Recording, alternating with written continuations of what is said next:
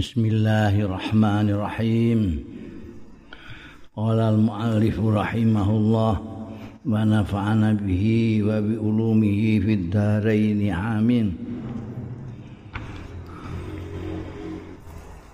Wa qala lan ngendika sapa Sayyidina Abdullah bin Abbas Lama duribat dirham wa dinar Mongso digawe apa? Duit dirham. Dirham itu uang yang dibuat dari perak. Wa dinar lan dinar duit yang dibuat dari emas. Jadi nilainya yang tinggi itu dinar bawahnya dirham. Semongso digawe dirham mek dinar. Akhozahu iblis mongko ngalap ing mau dirham to dinar mau sapa iblis su iblis? Fawadhahu ala ainai. Mongko nyerahake ya iblis. Ing dhuwit iku mau sing dirham utawa dinar mau.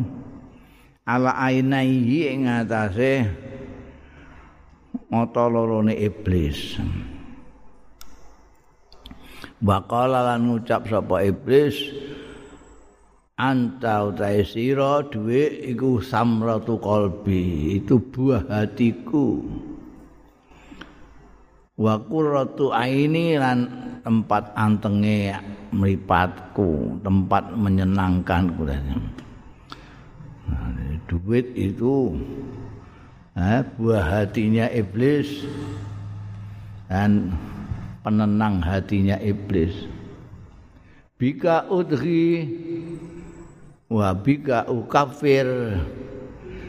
Kanti awakmu duwe udhi aku menyesatkan nglacutake sapa ingsun. Wa bika lan kanti awakmu ukafir. Ngafirno sapa ingsun. Jadi makanya banyak orang itu yang menjadi celaka karena bondo karena duit materi itu karena menurut Sayyidina Abbas itu macam iblis itu menggunakannya untuk kepentingan menyesatkan musuh-musuhnya yaitu bangsa anak putune Adam. Babikalan sebab sira udkhil udkhilu nglebokno sapa ingsun annara ing neraka. Banyak orang masuk neraka gara-gara digoda iblis melalui duit melalui duit. Belum sampai neraka sudah di neraka dunia ning penjara. Cekel KPK itu karena duit juga. Raditu min ibni Adam bi hubbid dunya puas sapa ingsun min ibni Adam. Saking anak putune Adam bihubid dunya kelawan demen dunya wis ah, ora kepengin apa-apa iblis iki. Kepengin pokoke anak putune Adam seneng dunya ngono wae begitu seneng dunya wis langsung gampang kok nyesatkannya gampang ngafir ngafirno gampang. Eh dadekno mlebu nerakane ya gampang wong berkelahi ya karena dunia. Tidak ada orang berkelahi gara-gara rebutan swarga enggak. Ya soal dunia. Bukan hanya bangsa dengan bangsa, eh? antar bangsa sendiri ora terima padha bangsane, padha agamane bisa berkelahi ya soal dunia. Oh, lihat perang terus menerus di Timur Tengah persoalan apa? Persoalan dunia. Tidak ada persoalan lain. Amerika ke Irak ya mergo minyak. Ke Afghanistan mergo minyak. Rusia ke Afghanistan juga minyak, Amerika ke anu juga minyak. sekarang ngepung Suria juga perkara itu. Ke Libya juga golek minyak. Dunia apa dalam skop yang kecil kita sendiri lihat sendiri orang-orang berkelahi rebutan dunia. Apakah itu pangkat derajat atau materi dunia lah pokoknya nah, nah. Tidak ada sing persoalan lainnya. Buku mbok golek ya. Wong Indonesia mbek wong Indonesia tukaran perkara apa? Mesti perkara dunia. Wong Islam mbek wong Islam gegeran perkara apa? Perkara dunia apa? Ini dawe Abdullah bin Abbas itu enam abad yang lalu itu. Abad ke-6 beliau ini. Tahun 600-an hidupnya sekarang sudah tahun 2021 itu masih relevan sekali. Ternyata memang manusia itu disesatkan oleh iblis melalui bondo dunia Wa qala Ibnu Abbas nan dawuh sapa Abdullah bin Abbas radhiyallahu anhuma Lau bagha jabalun ala jabalin ladukal baghi wa ma zaharal baghyu fi qaumin illa zahara fihimul mautani ya. Kok umpamane lacut lau bagha lacut apa jabalun gunung? Ala jabalin yang atasnya gunung yang lain. Ladukal baghi yakti akan dihancurkan sapa sing lacut.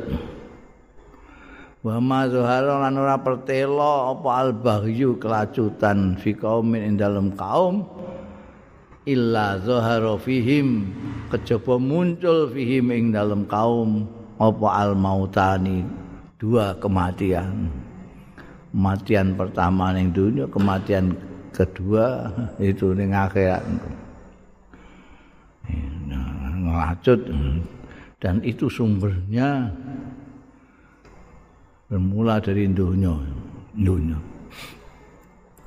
Mulanya sampai kemudian timbul ada aliran-aliran orang-orang zuhud karena menyadari ini yang membuat masalah adalah dunia. Kalau begitu kita tidak usah perhatian sama dunia. Malah ada yang meninggalkan dunia sama sekali supaya tidak terjerumus dalam apa namanya tipu dayanya iblis yang menggunakan dunia itu. Wah saiki apa yang tidak dunia itu? Promosi-promosi yang kita lihat setiap saat di media sosial itu juga mempromosikan dunia. Gak ada mempromosikan bahkan sampai persoalan agama barang itu sudah dikemas dalam persoalan dunia. ana wong apa nganjurkan jilbab misalnya itu ambek andol-dol jilbab ngono. Ora kok ansih mergo menutupi ngaurat ngono gak ini jilbab. Itu bar pidato mengenai pentingnya jilbab terus memperkenalkan mereknya jilbab. Ngono. Bahkan jilbab yang sudah dapat sertifikasi halal oleh MUI. Soalnya Mending MUI itu bukan soal halal tapi soal sertifikat itu loh. Halal sertifikatnya non dunia nih Ini semua serba dunia. Sekarang ada pandemi, orang juga yang mikirnya dunia lagi. Wah ini ngene terus iki bar iki ekonomi bisa merosot kita itu jadi marat bangkrut kiloko ini jadi bagaimana cara mengatasinya ini? Wah bingung mutar pikiran untuk supaya bisa mengatasi supaya bisa boleh duit neh gitu kan. Ini orientasinya ke sana semua. Seolah-olah tanpa itu kita tidak bisa hidup gitu. Wa an Buraidah ta qala ngendika Buraidah satama rajulun kok ana wong ana sing ngisoi ning gene Ibnu Abbas. Satama misui sapa rajulun wong lanang Ibnu Abbasin Ibnu Abbas radhiyallahu anhu. Sahabat hebate kaya ngene cedake karo Kanjeng Nabi kok iso ana sing misoi nemen banget. Faqala mengko ngendika sapa Ibnu Abbas? Innaka la tastumuhni Stune sira iku yekti teman-teman misui sira ing ingsun. Wa fiya padahal iku ing dalem ingsun. Salah suhi solen utahe telu pira-pira perkara. Kamu kok misui saya itu gimana? Saya ini mempunyai tiga hal yang tidak dimiliki oleh orang. Ini pertama, studi ingsun iku ati yekti nekakis nekani sapa ingsun alal ayat ing atase ayat min kitabillahi saking kitab Gusti Allah taala, kitab Quran. Walau itu walau walau wadit mongko yekti kepengin sapa ingsun anna jami annas Tuhune sekabehane manusa ya alamuna minha. Padha ngerti ya jami'un nas minha saking ayat ma ing barang alamu kang ngerti sapa ingsun. Pertama, aku itu melihat ayat Quran dan saya menginginkan semua orang tahu apa yang saya ketahui dari Al-Quran itu. Mbak bisa itu piye? Ada orang yang membaca ayat dari Al-Quran, mengerti itu maksudnya dan ingin sekali semua orang mengetahui seperti yang dia mengerti. Mbak bisa Wa ini setune ingsun la asma'u yakti mireng sapa ingsun bil hakimi kelawan wong sing uh, ngukumi sing uh, memutuskan hukum min hukamil muslimin saking penguasa-penguasa umat Islam ya dilu sing adil ya hakim fi hukmi dalam hukume hakim fa afrahu bihi mongko gembira sapa ingsun bihi kawan hakim. Saya kalau mendengar ada seorang penguasa memutuskan sesuatu dengan adil di menetapkan hukum dengan adil. Saya itu gembira sekali. Wong ini nggak bisa ini. Ada orang yang gembira keadilan ditegakkan. Kok nggak bisa ini? Saya ini adalah orang yang gembira sekali apabila keadilan ditegakkan. Wala ali la uqadi ilahi abadan. Nah, ali mbok menawa ingsun iku ora bakal uh, mempunyai masalah hukum ilahi marang hakim mau abadan selawase. Itu nomor dua. Nomor tiga, wa inilah asma'u. Wa inna stune ingsun la asma'u yakti mireng sapa ingsun bil ghaisi klan udan. Kot asoba teman-teman ngenai ya guys al balada ing negeri min biladil muslimina saking negeri-negeri wong wong Islam fa afrahu bihi. Mongko gembira bahagia sapa ingsun bihi sebab guys mau. Wa malilan ora ana li kedue ingsun bihi lawan guys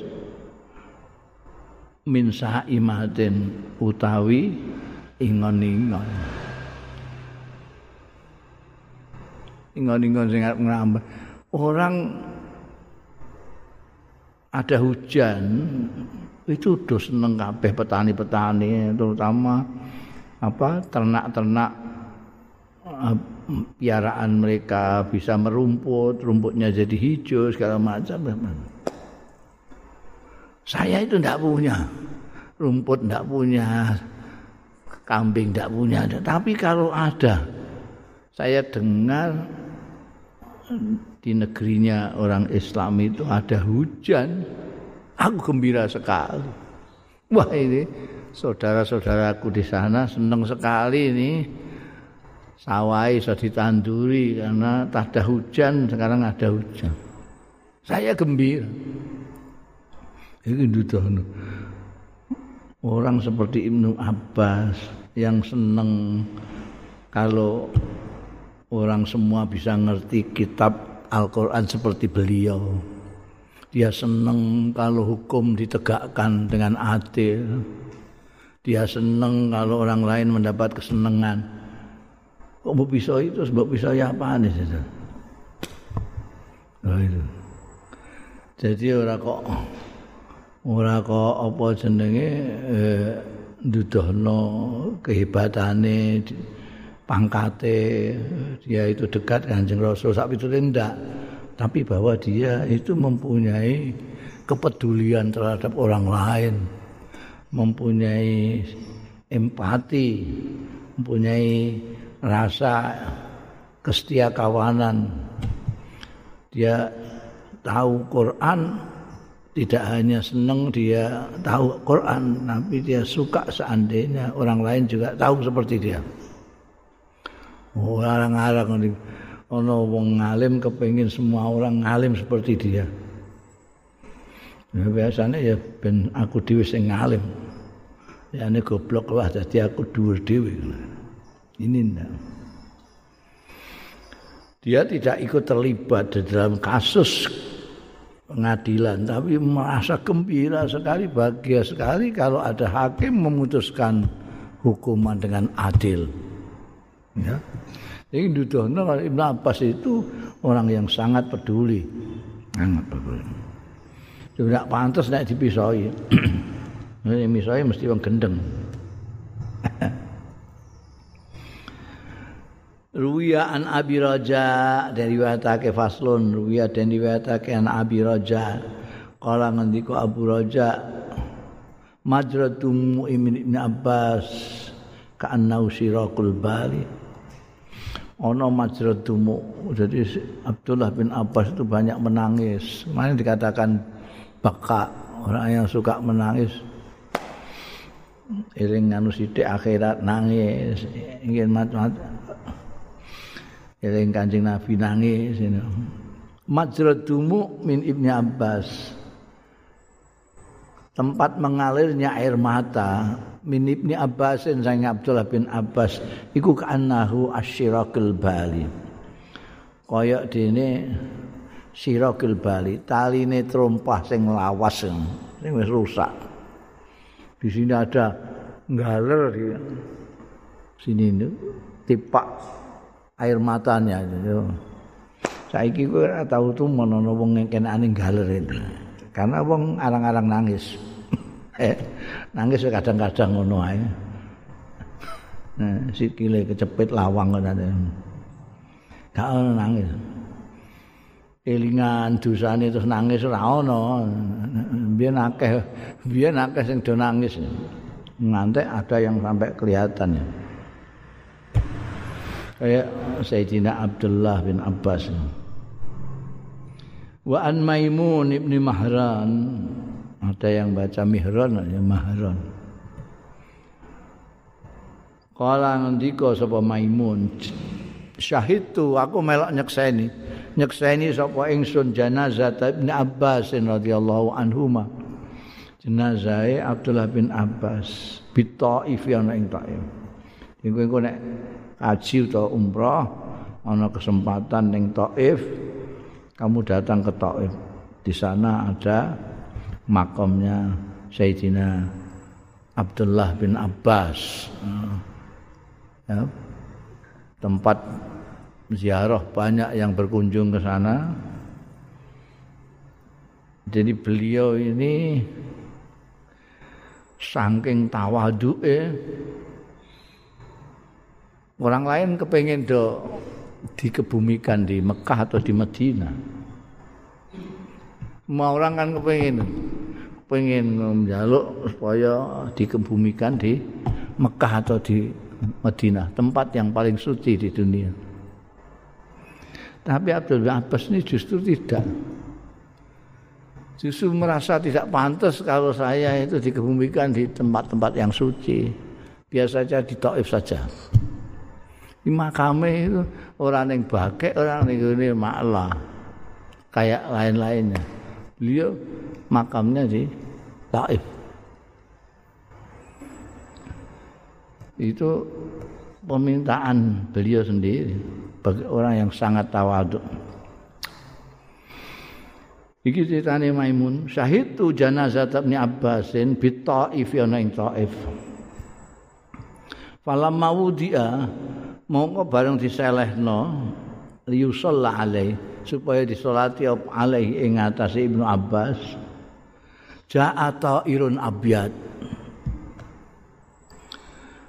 Teko poto irun manuk abyad sing putih hatta dakhala fi aqfanihi. sehingga melbu ya ta'ir abyad fi akfanihi ing dalem kafan-kafane. Jadi ketika diletakkan mau disolati oleh orang ada burung mah melbu ning ngene kafane. Masyaallah. Faltu misa mengko digoleki ta'ir mau bang. Bar salat digoleki endi manuk mau? Ana manuk kok mlebu rene mau piye? Falam yujad. Mungkara ditemu apa tair. Itu sop manuk bangsa piye iku? Digoleki ra ono. Falam masui alai barang ditata alaihi ing atase Ibnu Abbas samikna mireng kita sautan ing swara walanara lan ora ningali sah akadin ing sosoknya seseorang. Kita mendengar suara pada waktu wis ditata niki bar salat kita mendengarkan suara tanpa ada sosok orang yang mempunyai suara itu. Suara tok. Suara tanpa rupa cara jalan. Ngunine Ya ayyatuhan nafsul mutmainnah Irji'i ila rabbiki radiyatan mardiyah. Fadkhuli fi ibadi Wadkhuli jannati. Ada suaranya. Ini istimewa istimewa Sayyidina Abdullah bin Abbas. Ngahli Quran, mualim, wafat ngono keanehan-keanehan yang istimewa. Ada suara tanpa ruku. Ya ayyatuhan nafsul mutmainnah. Wahai jiwa yang tenang ya ayyuhan nafsul mutmainnah. irji'i baliya sira ila rabbiki marang pangeranira radhiyatan mardhiya kanthi ridho lan diridani Fathuli lan mlebu sira fi ibadi ing dalem kumpulane kawula-kawula ingsun. Wathuli lan mlebu sira jannati ing swarga ingsun. Luar biasa. Iku Abdullah bin Abbas. Ada beberapa Abdullah yang seumur-umur ya, sepantaran Abdullah bin Abbas, Abdullah bin Umar bin Khattab, Abdullah bin Abdul As. Yang paling tua agak tua sedikit, kaca lima tahunan itu Abdullah bin Umar. Kalau Abdullah bin Abbas sampai Abdullah bin Amr bin As itu sepantaran, pantaran itu. Masih itu pada zaman Rasulullah Shallallahu Alaihi Wasallam ini termasuk pemuda-pemuda, ya, generasi muda. Zikru Abdullah bin Umar bin Khattab seorang cendekia dari sahabat muda yang lain. Kita sudah tahu Abdullah bin Abbas yang kenal sebagai ahli Al-Quran paling tahu tentang tafsir Al-Quran sekarang eh, tokoh lain yang muda pada zaman itu yaitu Abdullah bin Umar bin Khattab. Putranya tokoh besar sahabat Umar bin Khattab. Kala ahli tarikh andika sapa ahli sejarah karena Abdullah bin Umar ana sapa Abdullah bin Umar radhiyallahu anhuma ana iku akbar waladi Umar luwih tuwa-tuwane putrane Umar. Putrane Sayyidina Umar hanya yang tertua adalah Abdullah bin Umar radhiyallahu menurut ahli sejarah. Syahida ikut menyaksikan sapa Umar bin Khattab ma'a Rasulillah al-Khandaq ing perang Khandaq atau yang nama lainnya Ahzab. Perang Ahzab dia sudah ikut. Meskipun masih muda tapi sudah ikut. Ma'a Rasulillah saat ini kanjeng Rasul Sallallahu alaihi wasallam Wahua kali utawi sahabat Abdullah bin Umar Iku ibnu khamsa asyrata sanatan Baru umur 15 tahun Pada waktu perang kondak beliau masih berumur 15 tahun dan sudah ikut Bakana lan ana sapa Sayyidina Abdullah bin Umar bin Khattab iku ya tahafal. Selalu berusaha menghafalkan maing barang. Sami'a kang mireng iya Abdullah bin Umar ma'an Nabi sartane Kanjeng Nabi sallallahu alaihi wasallam. Kalau tidak bersama Kanjeng Nabi wayas al. Lan bertanya sapa takon-takon sapa Ab Abdullah bin Umar man ing wong hadir kang hadir ida lam yahdur nalikane ora hadir dhewe sapa Abdullah bin Umar.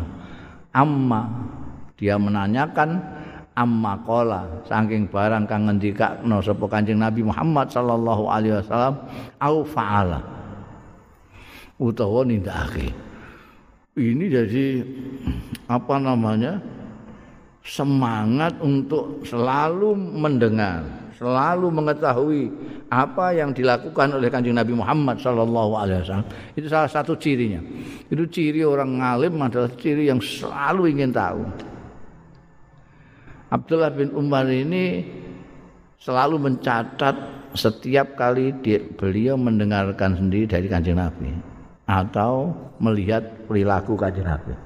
Kalau beliau tidak bersama-sama kanjeng Nabi, dia akan tanyakan kepada orang yang bersama kanjeng Nabi. Tadi kanjeng Nabi ngendikan apa saja, kanjeng Nabi melakukan apa saja. Dan itu diingat-ingat oleh beliau. Oh, makanya istimewa Abdullah bin Umar itu. Wakana ya tatabba'u azharahu. Dan ana sapa Sayyidina Abdullah bin Umar iku ya tatabba'u niti-niti mengikuti terus asarahu ing labet-labete Kanjeng Rasul sallallahu alaihi wasallam. Dari Kanjeng Nabi pernah kemana saja, beliau ikuti jejak itu. Kanjeng Nabi pernah ke Bakek, Kanjeng Nabi pernah ke Kuba, beliau ke Kuba. Kanjeng Nabi pernah ke Taif, beliau ke Kapsar. Pokoknya di mana saja pernah dilalui Kanjeng Nabi, beliau berusaha untuk mengikuti jejaknya. Wa yusalli lan salat sapa Abdullah bin Umar fi kulli masjidin. Ing dalam setiap masjid sallafihi sing salat fihi ing dalam kul masjid sapa an-nabi kanjeng Nabi sallallahu alaihi wasallam. Kalau dia tahu kanjeng Nabi salat di sini beliau salat di situ. Tabarukan kepada kanjeng Rasul sallallahu alaihi wasallam. Sampai sebegitunya Sahida melok nyekseni sapa Abdullah bin Umar ma'an Nabi sartane Kanjeng Nabi sallallahu alaihi wasallam hajjatul wada ing haji wada. Haji yang terakhir Kanjeng Rasul sallallahu alaihi wasallam pidato dengan pidato yang terkenal itu.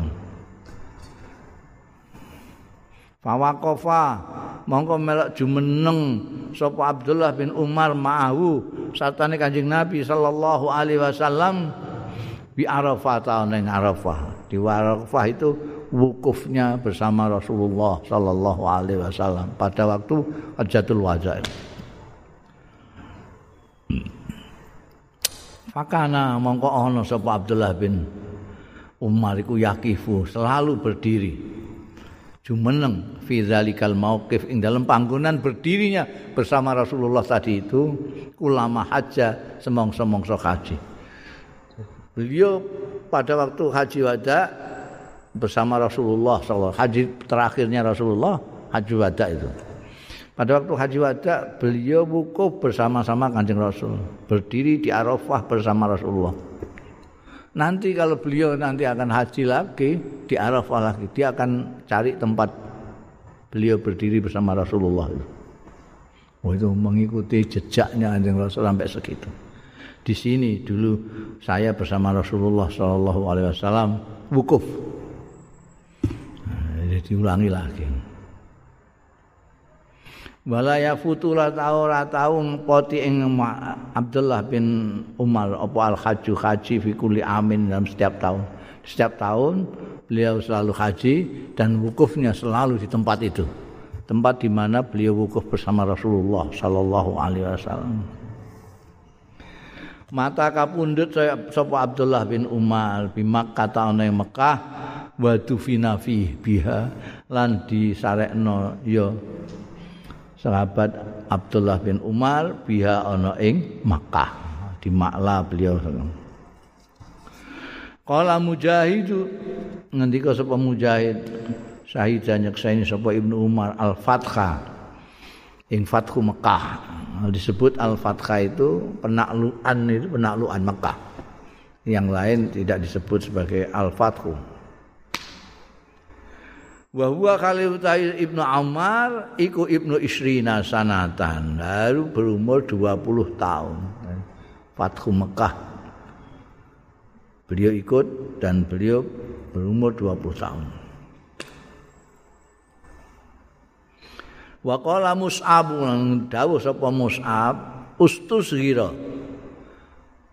dinilai kecil dianggap isih cilik sapa Abdullah Abdullah bin Umar yauma Uhud ana ing dina Uhud. Kata tadi disebutkan oleh ahli tarikh pada waktu Uhud itu beliau 15 tahun umurnya. Menurut Mus'ab ini dia dianggap kecil. Kanjeng Nabi biasanya kalau ada orang yang anak-anak muda yang mau ikut perang, dilihat kamu umurnya berapa. Oh, kamu masih kecil-kecilan ya. Kamu nungguin mbokmu aja ya. Anu, gitu. Dan yang dianggap masih kecil, lah Menurut Mus'ab, pada waktu perang Uhud ini sahabat Abdullah bin Umar dianggap masih kecil. Hmm. Syahida baru nyekseni sapa Abdullah bin Umar al Khandaq perang Khandaq ma'an Nabi sartane Kanjeng Nabi sallallahu alaihi wasallam. Wa hajaralan hijrah sapa Abdullah bin Umar ma'a abihi sartane ramane bersama sahabat Umar bin Khattab wa ummihi lan ibune ilal Madinah di marang Madinah wa huwa ale utawi Ibnu Umar iku Ibnu Asrosinin masih berumur 10 tahun. Jadi pada waktu hijrah beliau baru umur 10 tahun ikut ramane mbak ibune. Kala Ibnu Umar dawuh sapa Abdullah bin Umar radhiyallahu anhu ma uritu ala nabi aku dipentokno ala nabi ing atase Kanjeng Nabi sallallahu alaihi wasallam wa ana kali ingsun iku Ibnu Arba Asyrata umur 14 pada waktu saya itu perang Uhud saya di anu jokno ning Kanjeng Rasul ini mau ikut perang fi ghazwati Uhud ning dalam perang Uhud Falam yujizni mengko ora marengake sapa Kanjeng Nabi sallallahu alaihi wasallam ing ingsun. 14 tahun kowe iku durung-durung umur rasa rasa melok. Wa uritu alaihi wa ana ibnu khamsa asrata fa ajazun.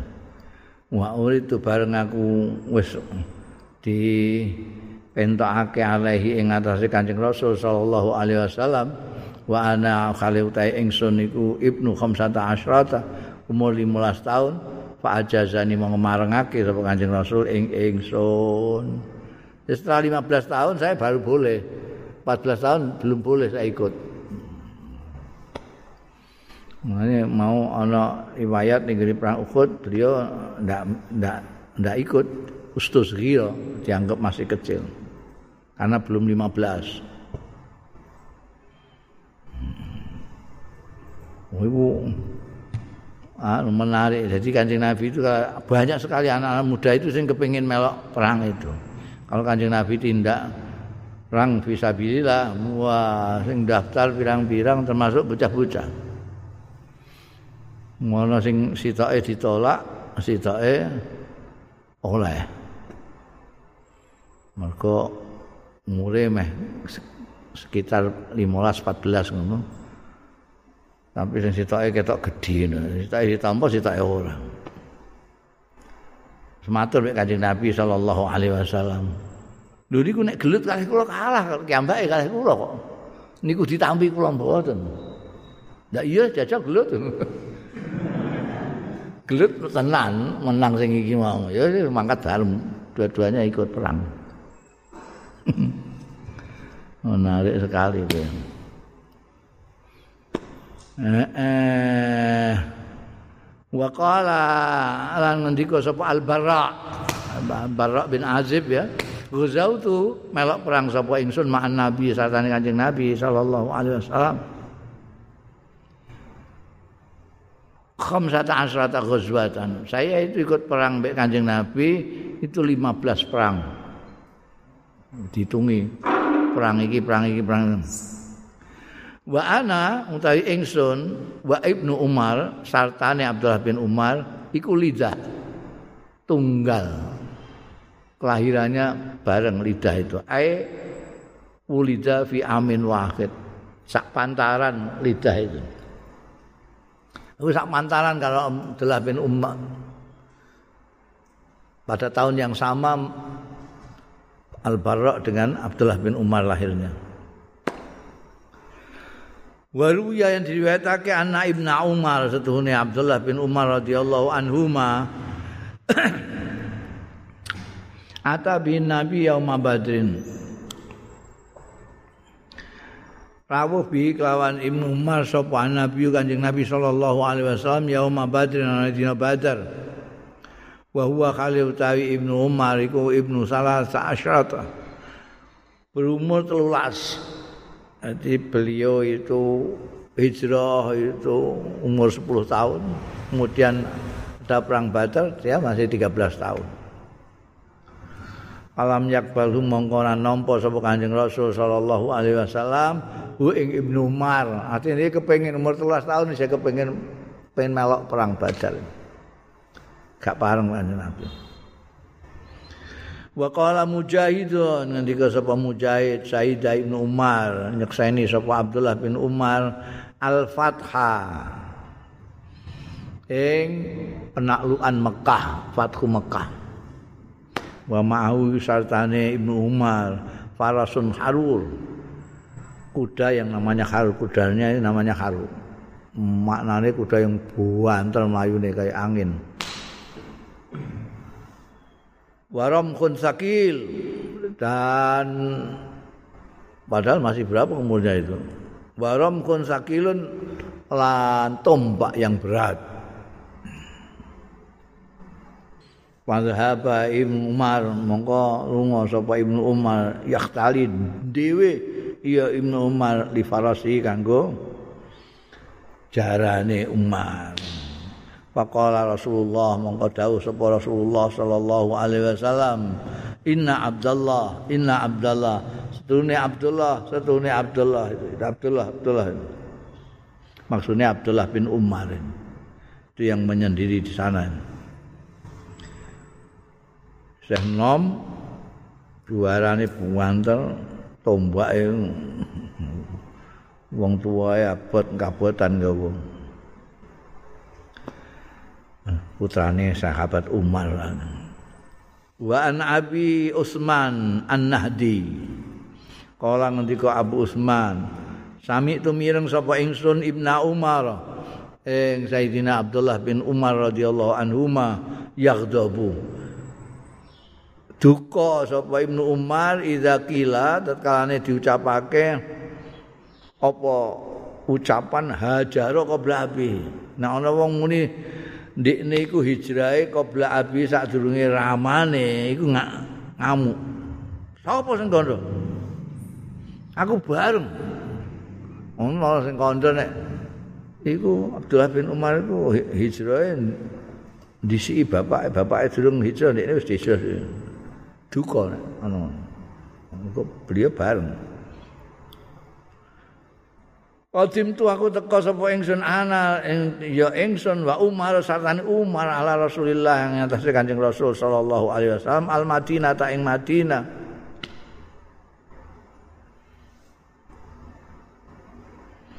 Aku aku mbekan bapak nyebut Umar ngono ana wa Umar iku bareng teko ning Madinah ala Rasulillah. Fa wajadnahu qailan. Mongko nemu sapa kita? Aku mbek Sayyidina Umar ing Kanjeng Rasul sallallahu alaihi wasallam. Qailan ngendika. Pada waktu itu agak berbicara beliau farajana ilal manzil. Mongko bali kita ilal manzili marang omah. Jadi ora kok aku luwe dhisik hijrahe timbangane bapak gak aku kok bareng karo bapak kok bareng-bareng ambek mbok bareng ber, ber, ya. Tapi ketika mau sowan Kanjeng Rasul sallallahu alaihi wasallam Kanjeng Rasul lagi ngendikan. Jadi kita balik lah. Itu adabnya begitu. Jangan ganggu Kanjeng Nabi lagi ngendikan. Kita pulang ke Fa arsalani Umar, mongko ngutus ing ingsun sapa Umar. Uh, Sayyidina Umar radhiyallahu anhu. Kenapa kok dijanggal? Mergo tokoh. Dia menyebutkan tokoh, bukan menyebutkan bapaknya. sahabat Umar itu ngutus saya. Idhab. Kana lunga sira fanzur mengko ningalana sira. Oh, iku mongko kok ilang kok mbok mana ngomong ku piye? Eh? Kliru tak maknani mau ya Allah. Jujune kok ana istawi qadha ning kene. Uga enek iku mau kelirune. Eh? Ndak wa Kanjeng Nabi ngendikan padahal qailan itu sare kailulah. Oh, kala yakilu embek kala yakulu. Iku anune kok ilang kabeh soalé. Sing ngerti sapa? Wong aku wong Jawa. wong Arab kok ilan iso maknane ngendikan iso maknane sare waktu awan kailulah itu istirahat siang hari itu loh. Itu. Itu kailulah jenenge. sing sare jenenge qail juga padha karo sing ngomong. Jadi rapati keliru hari mau ya. Pancen anune padha wasane bareng. Eh, eh, kita sudah berangkat ke Madinah bareng-bareng. Aku iku mbok jalani aku dhisik piye? Ngene lho aku iki teko ambekan bapak iku bareng. Ame sowan Kanjeng Nabi Kanjeng Nabi. Isih istirahat siang kailula jadi kita kembali ke tempat kami singgah itu. Terus Pak Arsalani Umar. Ngutus ing ingsun sapa Umar. Idhab kono dae tiliki fandur. Mongko ning di ana sira hal istai kaza ana ta wis wungu Kanjeng Rasul sallallahu alaihi wasallam. Ya, untungnya anak istiqaza jadi ngeralat makna kok ilan ngendikan mau jadi kok ilan istirahat kailulah. korinae istiqazah iki. Ya sarap iku kudu ndelok korinah barang ngono. Nah ora iso keliru, ada bahasa-bahasa yang sama pengertiannya beda. Jake tiliki Anjing Rasul wis wis wungu apa durung? Fa'ata itu maka nekani sapa ingsun ing Kanjeng Rasul sallallahu alaihi wasallam Fadakal tu mlebu sapa ingsun alaihi ing ngatasé Kanjeng Rasul sallallahu alaihi wasallam. Pabayak tu mongko baiat sapa ingsun ing Kanjeng Rasul sallallahu alaihi wasallam. Suman talaktu mongko keri-keri budalan sapa ingsun ila Umar maling bapakku Sayyidina Umar. Pak akhbar tu mongko ngabari sapa ingsun ing Umar. ana setune Kanjeng Rasul sallallahu alaihi wasallam iku istaiqadha wis wungu Fantolakna mongko budalan bareng sapa kita ilahi marang Kanjeng Rasul sallallahu alaihi wasallam. Fahar wala harwalan. Mongko wah age-age sapa Sayyidina Umar harwalatan kelawan apa kaya gugup. Iya wis wungu terus hatta dakhala alaihi Umar sehingga mlebut alaihi ing atase Kanjeng Rasul sallallahu alaihi wasallam sapa Umar Sayyidina Umar radhiyallahu anhu Pabayahu mongko mbiat sapa sekabat Umar ing Kanjeng Rasul sallallahu alaihi wasallam summa bayatu mongko mbiat napa ingsun ing Kanjeng Rasul sallallahu alaihi wasallam Biat sebagai orang yang sudah hijrah bersama-sama beliau mengikuti beliau hijrah lillahi wa rasulihi bukan karena lain-lainnya gitu ya. Jadi wong-wong ngarani anu anake sik sing hijrah iku sing ketemu Kanjeng Nabi hijrah kan marani Kanjeng Nabi. Sing marani Kanjeng Nabi itu Abdullah bin Umar dhisik iku bapake durung ndekne wis nemoni Kanjeng Nabi sik. Enggak soalnya iku mau terus diterangno. Ora kok bareng aku mbek bapak. Cuma nalika pas bareng bapak Kanjeng Nabi isa istirahat. Kita pulang dulu. Tidak lama saya disuruh melihat apa Kanjeng Nabi sudah wungu. Terus bareng aku laporan sudah wungu. Kami bersama-sama sowan Kanjeng Nabi. Jangan ngarani aku luwih dhisik dingane bapak ngono. Gak enak aku ngono. Bundel waqala sadaqah bin Sulaiman an abihi. Ngendika sapa sadaqah bin Sulaiman an abi saking ramane sadaqah berarti Sulaiman. Kala ngendika sapa abuhu artine Sulaiman nazar tu ningali sapa ingsun ila ibni Umar maring sahabat Abdullah bin Umar radhiyallahu anhuma faizan mongko duadaan Sayyidina Umar bin Abdullah bin Umar iku rajulun jahil wong lanang sing suarane banter yahdibu bisafrati sing apa macari rambutnya bisafrati kelawan warna kuning jadi uh, ada tradisi orang itu pada nyemir rambut-rambutnya mereka itu ada yang merah, ada yang kuning, ada yang coklat gitu ya. Ada yang hitam lalu lalu dibahas sampean ahli-ahli pekeh itu. Ini kalau hitam tidak boleh kalau ini boleh kalau merah boleh. Warna-warni itu sudah ada biyen ora kok saiki tok. Ini Abdullah bin Abbas itu kalau nyemir kuning. Wa alaihi kowe ngatas iki menurut ceritane Sulaiman iki ya. Yang diceritakan oleh anaknya Sodaka. Ternyata Ibnu Umar itu orangnya suaranya gemblongkong, rambutnya semir kuning.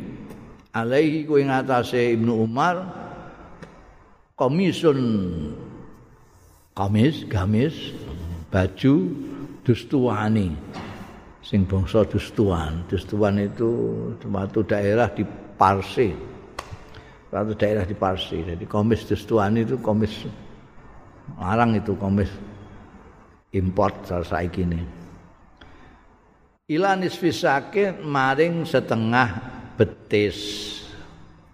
Pakaiane wong Afghanistan saiki, wong Pakistan barang itu kan kombinnya sampai ngisore dengkul sithik.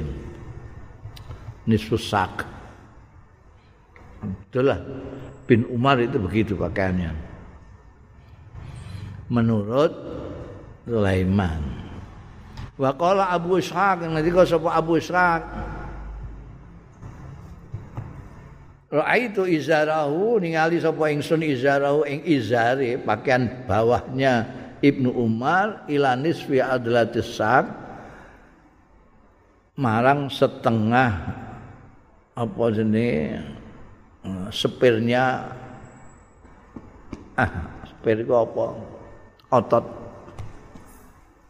otot besarnya ini wentis sampai sini yang ngisore dengkul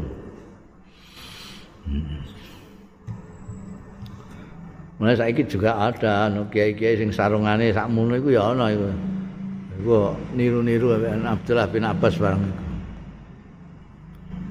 Wa qala Sa'id bin Musayyib, ndika sapa orang tabi'in terkenal Sa'id bin Musayyib. Ana ana sapa Abdullah bin Umar. Abdullah bin Umar iku isbihu abahu. Nyerupani ya Abdullah bin Umar abahu ing ramane Umar, yaiku Umar bin Khattab. aman ha? orang yang mirip sekali dengan Sayyidina Umar itu ya putranya ini Abdullah bin Umar menurut uh, kesaksiannya Said bin Al-Musayyib orang tabi'in wa qala Zaid bin Aslam an abihi. Ngendika sapa Zaid bin Aslam an abi saking ramane Zaid yaiku Aslam. Aslam ini seperti ajudannya Sayyidina Umar. Ya, kalau kita bicara tentang Sayyidina Umar, baik beliau sebagian terutama ketika beliau menjadi Amirul Mukminin, banyak selalu perjalanannya diikuti oleh Aslam. Aslam Aslam ini ya ini ayahnya Zaid ini. Zaid mendapat da, dari Aslam. Mamin rojulin ora ana seorang laki-laki pun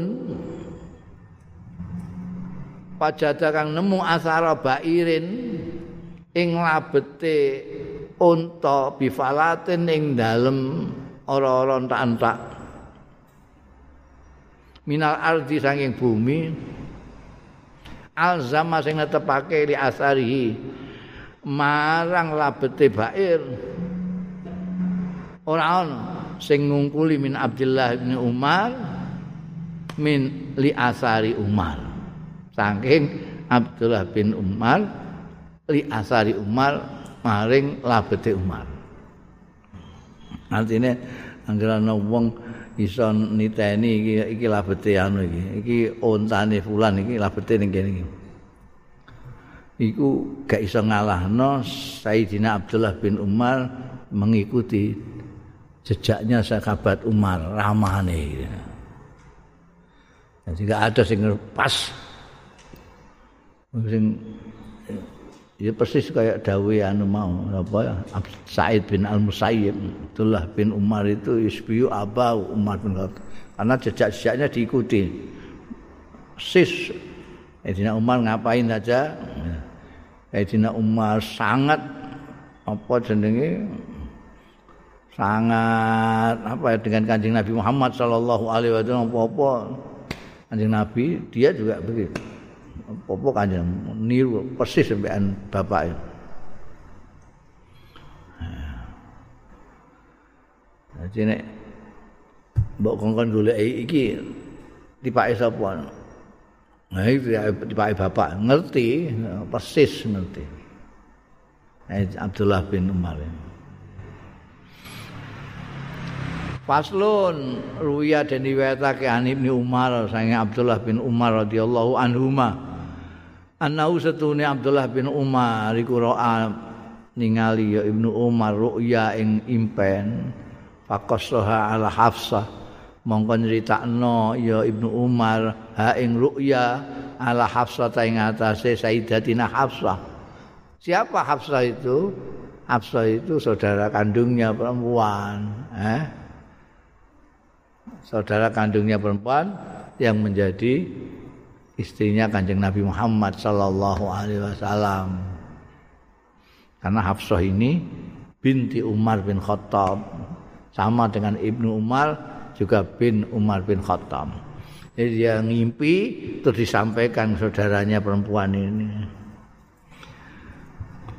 Pakosot ha mongko pada gilirannya pakosot ha mongko nyeritakno sapa ha ing ru'ya sapa Hafsah tu Hafsah ala nabi ing atase Kanjeng Nabi sallallahu alaihi wasallam. Ibnu Umar ngimpi disampaikno dulure wedok, dulure wedok disampaikno karo garwane yaitu Kanjeng Nabi Muhammad sallallahu alaihi wasallam. Faqala mangko dawuh sapa Kanjeng Rasul sallallahu alaihi wasallam nikmal fata Abdullah ah, bagus-bagus e bocah enom iku Abdullah laukana yusalli. Lamun ana sapa Abdullah iku yusalli gelem sembahyang minal laili ana ing waktu malam. Api-api cah enom ya Abdullah iku. Andai saja dia itu gelem salat bengi bengi turu ae Fakana mongko ana sapa Ibnu Umar iku yusalli bil lail. Mongko salat sapa sahabat Ibnu Umar bil lail ana ing wektu bengi sumayana mongko kari-kari sare. Sumaya tawaddu mongko kari-kari wudu sapa sahabat Ibnu Umar. Fa yusalli mongko salat sapa sahabat Ibnu Umar. Yaf'alu dzalika nindakake sapa Ibnu Umar dzalika ing mengkono mau fil lailati ing dalam satu malam miraron berkali-kali gara-gara mendapat cerita dari dulure Hafsah dawuh Kanjeng Nabi iku nikmal fata Abdullah laukana yusalli minal lail. Eh, dilem jane mbek Kanjeng Nabi seandainya kamu salat bengi. Sejak itu sahabat Ibnu Umar ini lalu kalau malam sholat tidur bangun wudhu sholat lilir bangun sholat jadi nggak ngelilir ping piro itu sholat wudhu sholat wudhu sholat Nek gue kan ngelilir nguyah turun nih.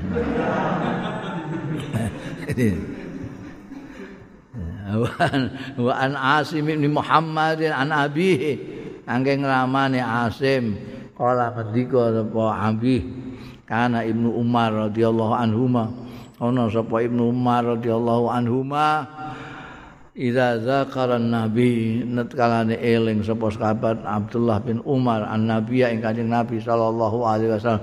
Baka mongko mun angis sapa sahabat Ibnu Umar. Setiap kali eling kanjeng Nabi nangis geru-geru.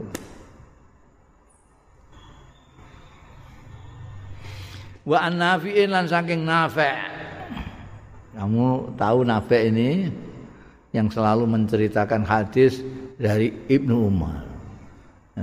Yang dikatakan silsilatul zahab itu kalau hadis itu an nafi' an Ibnu Umar an Rasulullah sallallahu alaihi wasallam. Ini nafi' ini. Menurut nafi' ini kana Ibnu Umar ana sapa Abdullah bin Umar radhiyallahu anhuma iku layak kula radahar ya Ibnu Umar hatta yukta sehingga ditekakake bimiskinin lawan wong miskin layak kul mahu. Mongko dahar sapa Ibnu Umar mahu sartane Ibnu Umar. Maka Ibnu Umar dikenal juga sebagai bapaknya orang-orang miskin. Beliau tidak mau dahar kalau tidak bersama orang miskin. Ya, meskipun nek rampatan ndak ada orang miskinnya ya enggak ada. Golek golek no, orang miskin sih baru makan bersama orang miskin. Gue mangan didelok ambek wong miskin. didelok mangan ning warung didelok ambek wong miskin ambek ngaplo ngono. Uga mbok jak ngono kan. Numar mesti dijak mesti. eh wa an jabirin wallahu a'lam